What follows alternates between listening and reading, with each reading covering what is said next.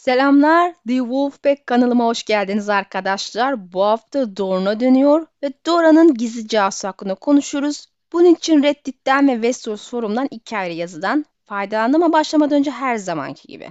Sena Doğan, Ferhan Evgin, Kadir Işık, Mehmet Emin Düştü, Hakan Öksüz, Mahmut Ali Aşçı, İlhan Karayel, Helio, Umutcan Dikenyol, Poyraz, Emir ve Sadri Alışık'a Kanalıma üye katılım ve destek oldukları için Canı Gül'den teşekkür ederim. Bu hafta casuslardan başladık. Casuslardan devam etmek uygun göründü ve eğlenceli bir konu olduğunu da düşünüyorum. Tabii bir süre sonra serisinin evhamlı haline dönüşüp her yerden bir casus bir işaret, bir foreshadowing görme elimde de olmuyor değiliz. Yine de 10 yıldan fazla zaman sonra bile elimizde kitap olmadığından konuşacak şeyler sınırlı oluyor.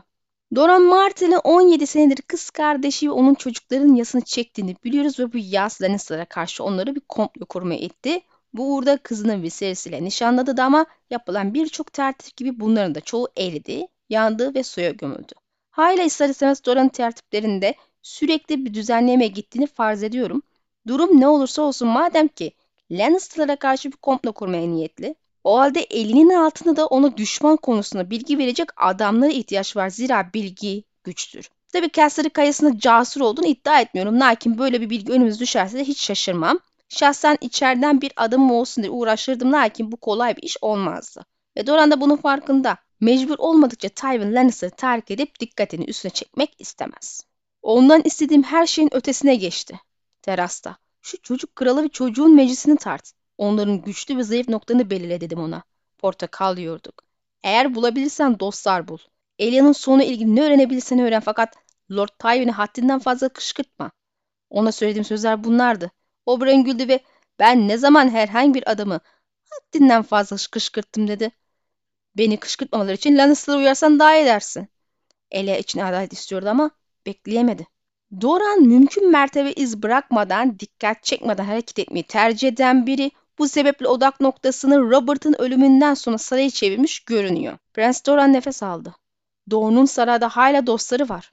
Bize bilmemiz gereken şeyleri söyleyen dostlar. İşte bizim merak ettiğimiz kısım bunu. Arkadaşlar, dostlar kim bu arkadaşlar? Elia yaşarken sarayın Doğu'nu birçok kişi ev sahipliği yaptığı şüphe yok ama onun ölümü ve tahtın el değiştirmesiyle görünürde bir Doğu'nun sarayda vazife yaptığını bilmiyoruz. Ama Merteller burada bulundukları zaman zarfında sarayda vazifeli lordlar ve hizmetkarlar arasında ilişki kurmuş oldukları kişilerin olmaları gayet olasıdır. Tabi bunlar ne kadar faydalı bilgiler verebilecek konumdaydılar şüpheli ol. Lakin Duran'ın arzu ettiği kadar faydalı olmasa gerek çünkü erkek kardeşi o birini gönderdi. Eğer bulabilirsen dostlar bul dediğini öğreniyoruz. Bu dostlardan birinin Tayana Meriwether olduğuna dair bazı düşünceler var.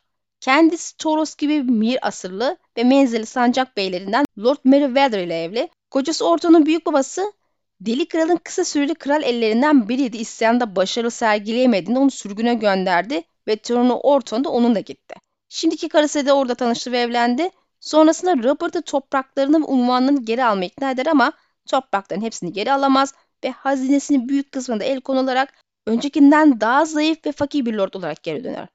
Tyrell'ler ile beraber geldiğinde konseye katılarak Lord Adalet olur ve sonra da Cersei tarafından kral el olarak seçilir. İnanç Kraliçeyi hapsedince de istifa ederek yerleşkisi uzun masaya kaçar. Bu süre zarfında Tyrene Cersei ile yakın bir ilişki kurar ve Tyrell için casus olarak kullanılır. Cersei tabii ki kadının çift yönlü çalıştığını bilir.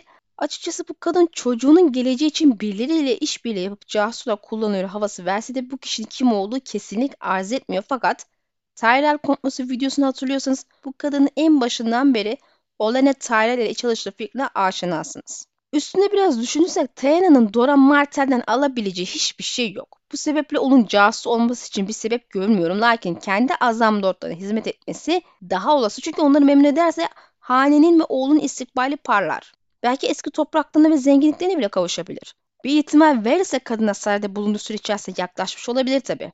Veris'in gençken bir de hırsızlık yaptığı ve başka bir hırsızın onu ihbar etmesi yüzünden Pentos'a kaçıp bu sayede ileriyle tanıştığını biliyoruz. Bir ihtimal kendisiyle orada tanışmış olabilir mi? Belki ama onun küçük kuşları verken bu kadına ihtiyacı olduğu da şüpheli ve 3-5 altın karşılığında ikna edilecek biri de değil konumu düşündüğünde en azından. Bu sebeple kadının Tyrell kraliçelerine hizmet etmesi daha olası. Duruşmada Tyrion'un kadeye bir şey koyduğunu gördüğünü söyleyen kendisiydi. Lady Olenna ve Tyrell'lerden gözleri uzak tutmak için bir suçlu lazım da şüphesiz ve Tyrell'lerin sancaktarının karısı bu konuda gerekli hizmeti sundu. Yine de eğer arkadaşıysa Varys'in o zaman belki de birkaç konuda yardımcı olmuş olabilir. Lakin bizim Doran için doğrudan bir casusa ihtiyacımız var. Varys demişken ondan devam edelim. Az önce bahsettiğim gibi Varys'in küçük kuşları varken Tane gibileri sarayda hiçbir ihtiyacı yok. Zaten Cersei'den önce bu sarayda kendisine yuva yapmış ve sağa sola yumurtalar bırakmış biri olarak zalim Maegor'un yaptığı tüneller sayesinde sarayın içinde küçük kuşlarını gezdiriyor. Hatta kendisi de geziyor. Hatta belki orada yaşıyor. Bu sayede en mahrem sırlara bile ulaşabiliyor. Sadece saray değil. Şehrin kendisi de Varys'in ördüğü örümcek ağlar ile kontrol altında görünmekte. Bu şeyde Varys'in haberi olmadan hiçbir şey olmaz. Çoğu zaman olay olmadan önce haber olur. Her yerde muhbirleri var. Onları küçük kuşları duyuyor. Quentin bölümüne bakarsak bu örümcek ağ Westeros ve Essus'u kapsayacak kadar geniş. Güneş mızrağını bile. Bu küçük kuş meselesi nasıl çalıştığını Tyrion'da kaçışı sırasında bizzat deneyimlemişti. Böylece yazar bize Varys'in sırrını göstermiş oldu en azından bir kısmını. Küçük kuşlar birçok karanlık tünelden uçar. Dikkatli olun basamaklar diktir. Birkaç metre boyunca Tyrion onların pazarlıklarının her kelimesini duyabiliyordu ama ilerlediğinde sesler hızla kayboldu.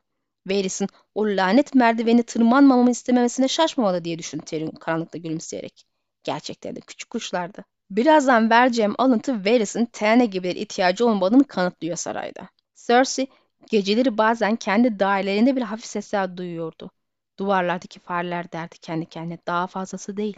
Tabi bu biraz ironik çünkü Illyrio'nun söylediğine göre küçük kuşları eskiden fare derlermiş. Yani Cersei aslında haklı. Onlar fareler ama Varys'in fareleri. Gece gündüz kraliçenin dairesini gezen, onu dinleyip tüm bilgilere vakıf olan küçük fareler. Yani Tyrene dışında Varys de Cersei'ye bir soluk kadar yakın hatta ondan daha yakın. Bu sebeple en mahrem sırlarına bile, Tyrene'nin bilmediklerine bile rahatça ulaşabilir çünkü kuşları onu dinliyor. Varys'ın ana tertibi kendi elleriyle bir kral yetiştirip demir tahtta onu oturtmak. Ayrı bölümde de gördük ki bunun için komplo kuruyorlar ve Varys küçük kuşlarını bu iş için kullanıyor. Artık nerelerden bilgi edinmek için uğraşıyordu ise altın ve eli kuştan bahsettiğine göre oldukça geniş çaplı bir istihbarat operasyonu gerçekleştirmiş. Tabi Illyrio Viserys'e Sadık Targaryen haneli sizin için sancak kaldıracak dediğinde yalan konuşmuyordu aslında bu haneler Deli Kral'ın çocukları için değil sadece çok sevgili Prens Rhaegar'ın oğlu için sancak kaldıracaktı. Haliyle Varys için doğum doğal bir müttefik haline geliyor. Lakin ihtiyat dediğimiz şey hem Varys'i hem de Doran'ı birbirine karşı mesafeli kılan ortak bir özellik. Prens'in kendi kızı ve yeğenlerinin gözünde dahi pasif savaşmaktan kaçan bir imaja sahip olduğunu biliyoruz. Bu imaj örümceğin algısı içine geçerli olabilir. Varys de tahta sadık görünüyor. E bu sebeple Varys hiçbir şekilde doğrudan doğruya Martha ile yanaşmamış ve açık gizli bir ortaklık kurmamışa benziyor. E zaten aksi olsaydı Varys'in casuslığından daha çekilmezdi bizim Don Prensi. Daha önemlisi John Connington haber gönderdi çoktan Aegon'un varlığına hazır olurdu. Ya Varys zaten ona bunu evvelden açıklardı ama böyle bir şey yok. Martin Viserys ve Ariana arasındaki gizli nişanı Varys'in bilmediğini de söylemişti. Yine de Zaman yaklaştıkça Varys Martell'e yanaşmanın vakti geldiğini düşünmüş olabilir. Hatırlarsınız Doran O'Brien'e yapması için bir dizi emirler sıralamış lakin görünüşü göre tam tersini yapmış ve sonunda kendini öldürtmüştü. Buna rağmen bizim Kızıl Engerek sarayda bir arkadaş bulma görevini Layla yerine getirmiş olabilir ve bu arkadaş Varys olabilir. Söylediğim gibi Martella Varys için doğal müttefik, Hay'le birlikte çalışmaları kadar doğal bir şey olamaz Ablası Elia ve çocukları için adalet talep eden Oberyn hızlıca Varys'in dikkatini çekmiş olmalı ve Ned ve Tyrion örneğinden göreceğiniz üzere ona yaklaşan da kendisi olsa gerek. Oberyn'in tavırları, yaklaşımı bilmediğimiz bazı şeyler Varys için marteller konusundaki sis perdesini aralamış olabilir. Tabi metin içerisinde bir sahne dışında bir arada bulundukları bir an bilmiyoruz. Bu sebeple söyleyeceklerim tahmin ve olasılıkların ötesine geçmeyecek lakin biz yine de bazı işaretleri arayacağız hatta belki de biraz zorlayacağız. Hep birlikte karanlık hücrelere gidelim ve Tyrion ile Oberyn sohbetine tekrar bir göz gezdirelim.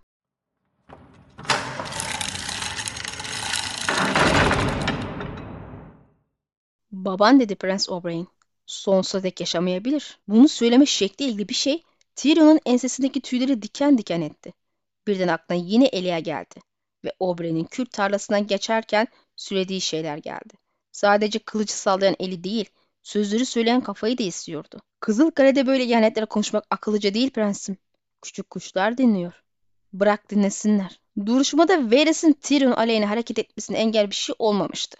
Muhtemelen zaten amacı da Tyrion aynısını koparmak da yahut harcanabilir birilerine sorarak görmüş de olabilir. Durum ne olursa olsun Varys'in başkaları için görünürdeki sadakati Lannister'lara karşı Tywin'i kızdırmaya göze alacak biri değil şeklinde olsa gerek Haliyle Oberyn'in bu sahnede Varys'in olan biteni dinlemesi ve Tywin'e yetiştirmesinden korkmaması fevrilik yahut gamsızlık ifade edilemeyecek kadar dikkate değer. Muhtemelen bu konuda hiçbir endişesi yoktu çünkü Varys'in duyduğu şeyleri gidip de Tywin ya da Cersei yetiştirmeyeceğinden emindi ama nasıl?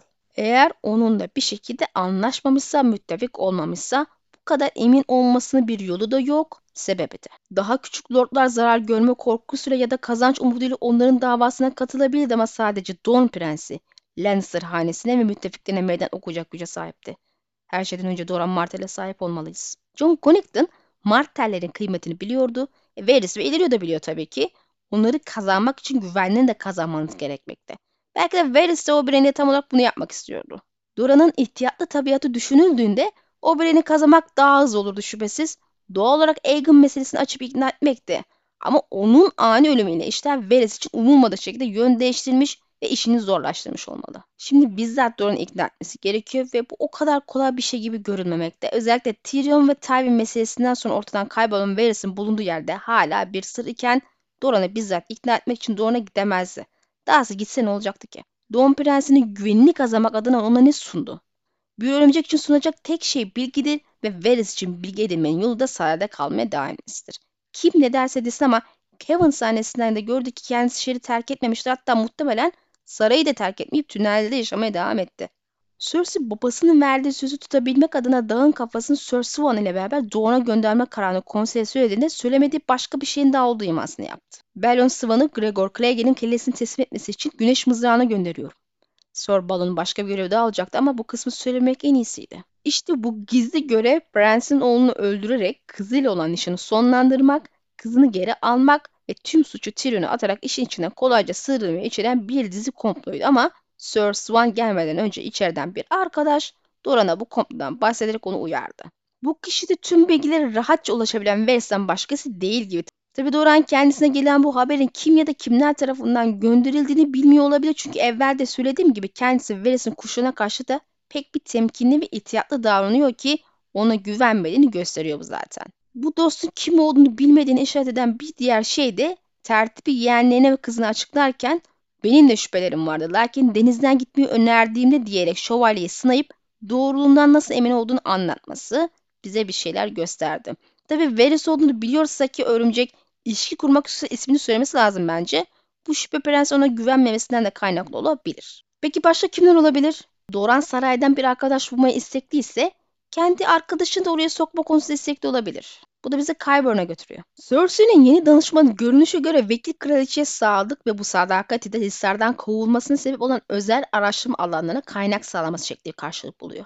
Qyburn'un mizacı ve hayat amacı düşünüldüğünde bu böyle bir karakter için yeterli görünmekte.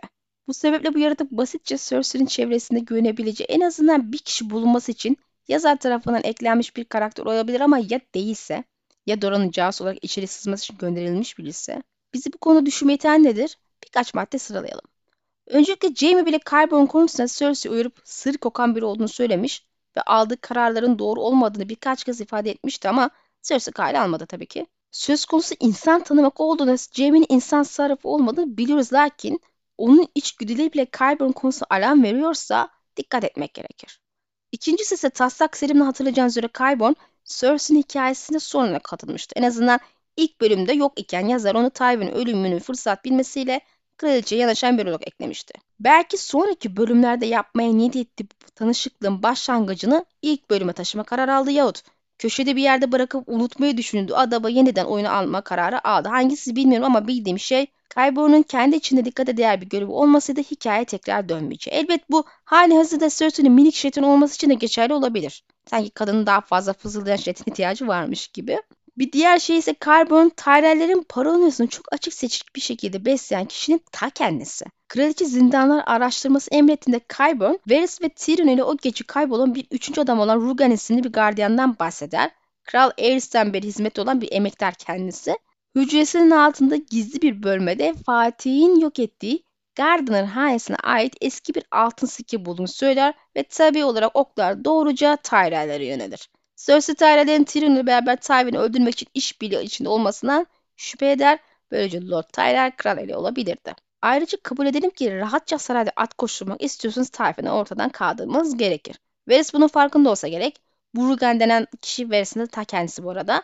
Cersei'yi tarelere karşı kışkırtmak kesinlikle hem Varys'in hem de Dora'nın işine gelecek bir şey. Bu hane ayrıca Martelleri düşmandı. Yani Doran açısından bir taşla iki kuş vurmak gibi olurdu ve Varys açısından da biliyorsunuz işte. Neticede Varys'in yerini alan Qyburn muhtemelen altın yalanını çıkıp zarları arttı. Parsel Cersei'ye akıllı bilgeç öğütler veren birine dönüşse de Qyburn daha çok bu öğütlerin önün tıkama eğilimde yorumlar, öğütler veriyor Cersei'ye. Cersei zaten hali hazırda adama uyuz oluyor. E, Qyburn'a da kendisine iyi hizmet ettiği için güveniyor. E, bu sebeple iterin öğütlerindeki bilgiliği göremeyip de diğer Etiyar'a dönüyor. Bölüm sonunda Varys'in onu da öldürdüğünü gördük. Neden? Tam da bu bahsettiğim sebepten muhtemelen. Ayrıca kendisi Qyburn'a karşı oldukça düşman biri. Varys aslında Qyburn'un düşmanını ortadan kaldırmış oluyor. Eğer Doran hizmet ediyorsa Qyburn, Varys neden böyle bir şey yapmış olabileceği anlaşılabilir. Cersei'nin kurban Meg hikayetini öğrendiğinde kraliçenin genç kraliçe adayını öldürülmesi gerektiği imasını yapıp teşvik eden de Qyburn'un kendisi. Hayle Cersei'nin başlattığı ve Qyburn'un yardım ettiği bu komploda kraliçenin çakılmasıyla sonuçlandı ve Tyrell'lerle arasının daha da açılmasına sebep oldu. Ayrıca Qyburn'un şehir dışında haber getirdiği yegane yerler Essos ve Dorne. Essos'ta olanları Kyle almayacağı aşikar Cersei ama orada adamlı olduğu bilgisini teyit etmesi için anlatması gerekirdi bence. Şehri zaten malum ama Dorne. Aslında menzilden haber getirmesi daha uygun olurdu madem istihbarat ağını ele geçirmiş değil mi? Dorne'dan gelen bilgiler ise aslında hareketlik açısından dikkat çekici ama söz açısından çok da mühim olmayan şeyler. Anlaşılan menzilde olmayan fısıltıları Dorne'da varmış. Ve bunların aslında verise çalıştığını Doran ve Quentin'den biliyoruz. Son olarak da Qyburn'un casus ağını bu kadar hızlı bir şekilde ele geçirmesi dikkat çekici. Öyle ki sadece şehirde hatta Westeros'ta değil Essos'taki ağı da ele geçirmiş. Küçük kuşlar hakkında bir şey bilmiyoruz tabii. O konuda hiçbir şey söylemedi adam. Ama zaten söylemezdi de. Cersei duvarların içinde dolanan çocuklar olduğunu söyleseydi kraliçe ne yapardı hepimiz biliyoruz. Varys'ın hala sarayda ve şehirde rahatça fink atması, Paysel ve Kevin'ın Raj öldürmesi gibi bir dizi bakarsak istihbarat ağı hala Varys'e çalışıyor. Carbon ya bunu biliyor ya da sadece yemleniyor. İki olasılık da mümkün. Ben bildiği görüşündeyim. Tüm bunları topladığımızda eğer bu adam çılgın ve zeki bilim adamı lakin çok kötü bir danışman çizgisinde değilse, Cersei'nin sonunu getirmek için çabalayan biriymiş gibi sürekli olarak ona istediğini veren, istediğini yapması için teşvik eden hatta yönlendiren, yardım eden biri var karşımızda. Arzu ettiği deneyleri yapmak için kadının iktidarda olması elzem aslında. Hali akıllıca tavsiyelerde bulunması ve yönlendirmesi gerekir. Karşımızda salak bir adam yok neticede. Ama bunu tam tersi hareket ediyor. Kyborn'un geçmişine baktığımızda kendisi kanlı oyuncu olarak bilinen cesur dostların bir üyesiydi. Esas kökenli bu adamın içinde bu adamın ne işi var bilemeyiz. Aslında bu yetenekli biri kendine daha uygun bir yerde daha uygun bir iş bulabilirdi. Hatta Essos'a bile gidebilirdi. Onlara ne zaman katıldığını bilmiyoruz ama liderleri Jamie'nin en iyi kesin ona yardım etmek için fazlasıyla gönüllüydü. Hatta gözüne girebilmek için Pia'ya bile göndermişti.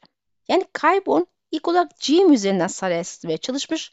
Doğru vakti gelene kadar sessizce beklemiş ve Tywin'in ölümüyle de Cersei'ye yaklaşmış. Hızlıca güveni kazanmıştır. Yıllardır bu paralı asker topluluğun kurucusunun Oberyn Martell olduğuna dair bir kuram var. Kendisi birkaç kere Essos'a gitmişti. ikinci oğullarda bulunmuş sonra kendi birliğini kurmuştu. Bu ayrı bir konu ama Harrenhal'ı elinde tutacağına inanarak altına olan Tywin'e ihanet etmek ve Jaime'nin elini kesmek gibi bir dizi saçma karar göz önüne tutulduğunda bunların Oberyn'in kurduğu birlik olabileceği şüphesiz doğuyor gerçekten. Özellikle Dora'nın ölmeden önce Tywin'in değer verdiği her şeyi elinden almak istediğine niyet ettiğini itiraf ettiğini düşündüğümüzde Jaime'nin elini kaybetmesiyle artık o altın çocuk havası sönmüş oldu. Daha biraz komedi malzemesi de oldu. E, Cersei'nin tarihlere karşı olan saldırı ve kötü serdivi sonucunda Kaybon'un yardımıyla tabi düştüğü durumda göz alındığında neredeyse tacını kaybediyordu. Sizi bilmem ama Tywin altın çocuklarının konumlarını bir bir kaybettiğini gördükten sonra üstünü ölümlerini de görebilirdi. Bunlar bize ister istemez Dora'nın parmağı var hissi veriyor. Çünkü tam olarak onun istediği şeyler olurdu bunlar. Günün sonunda Dora'nın dostları, casusları kimdir kesin yargıya varmak güç ama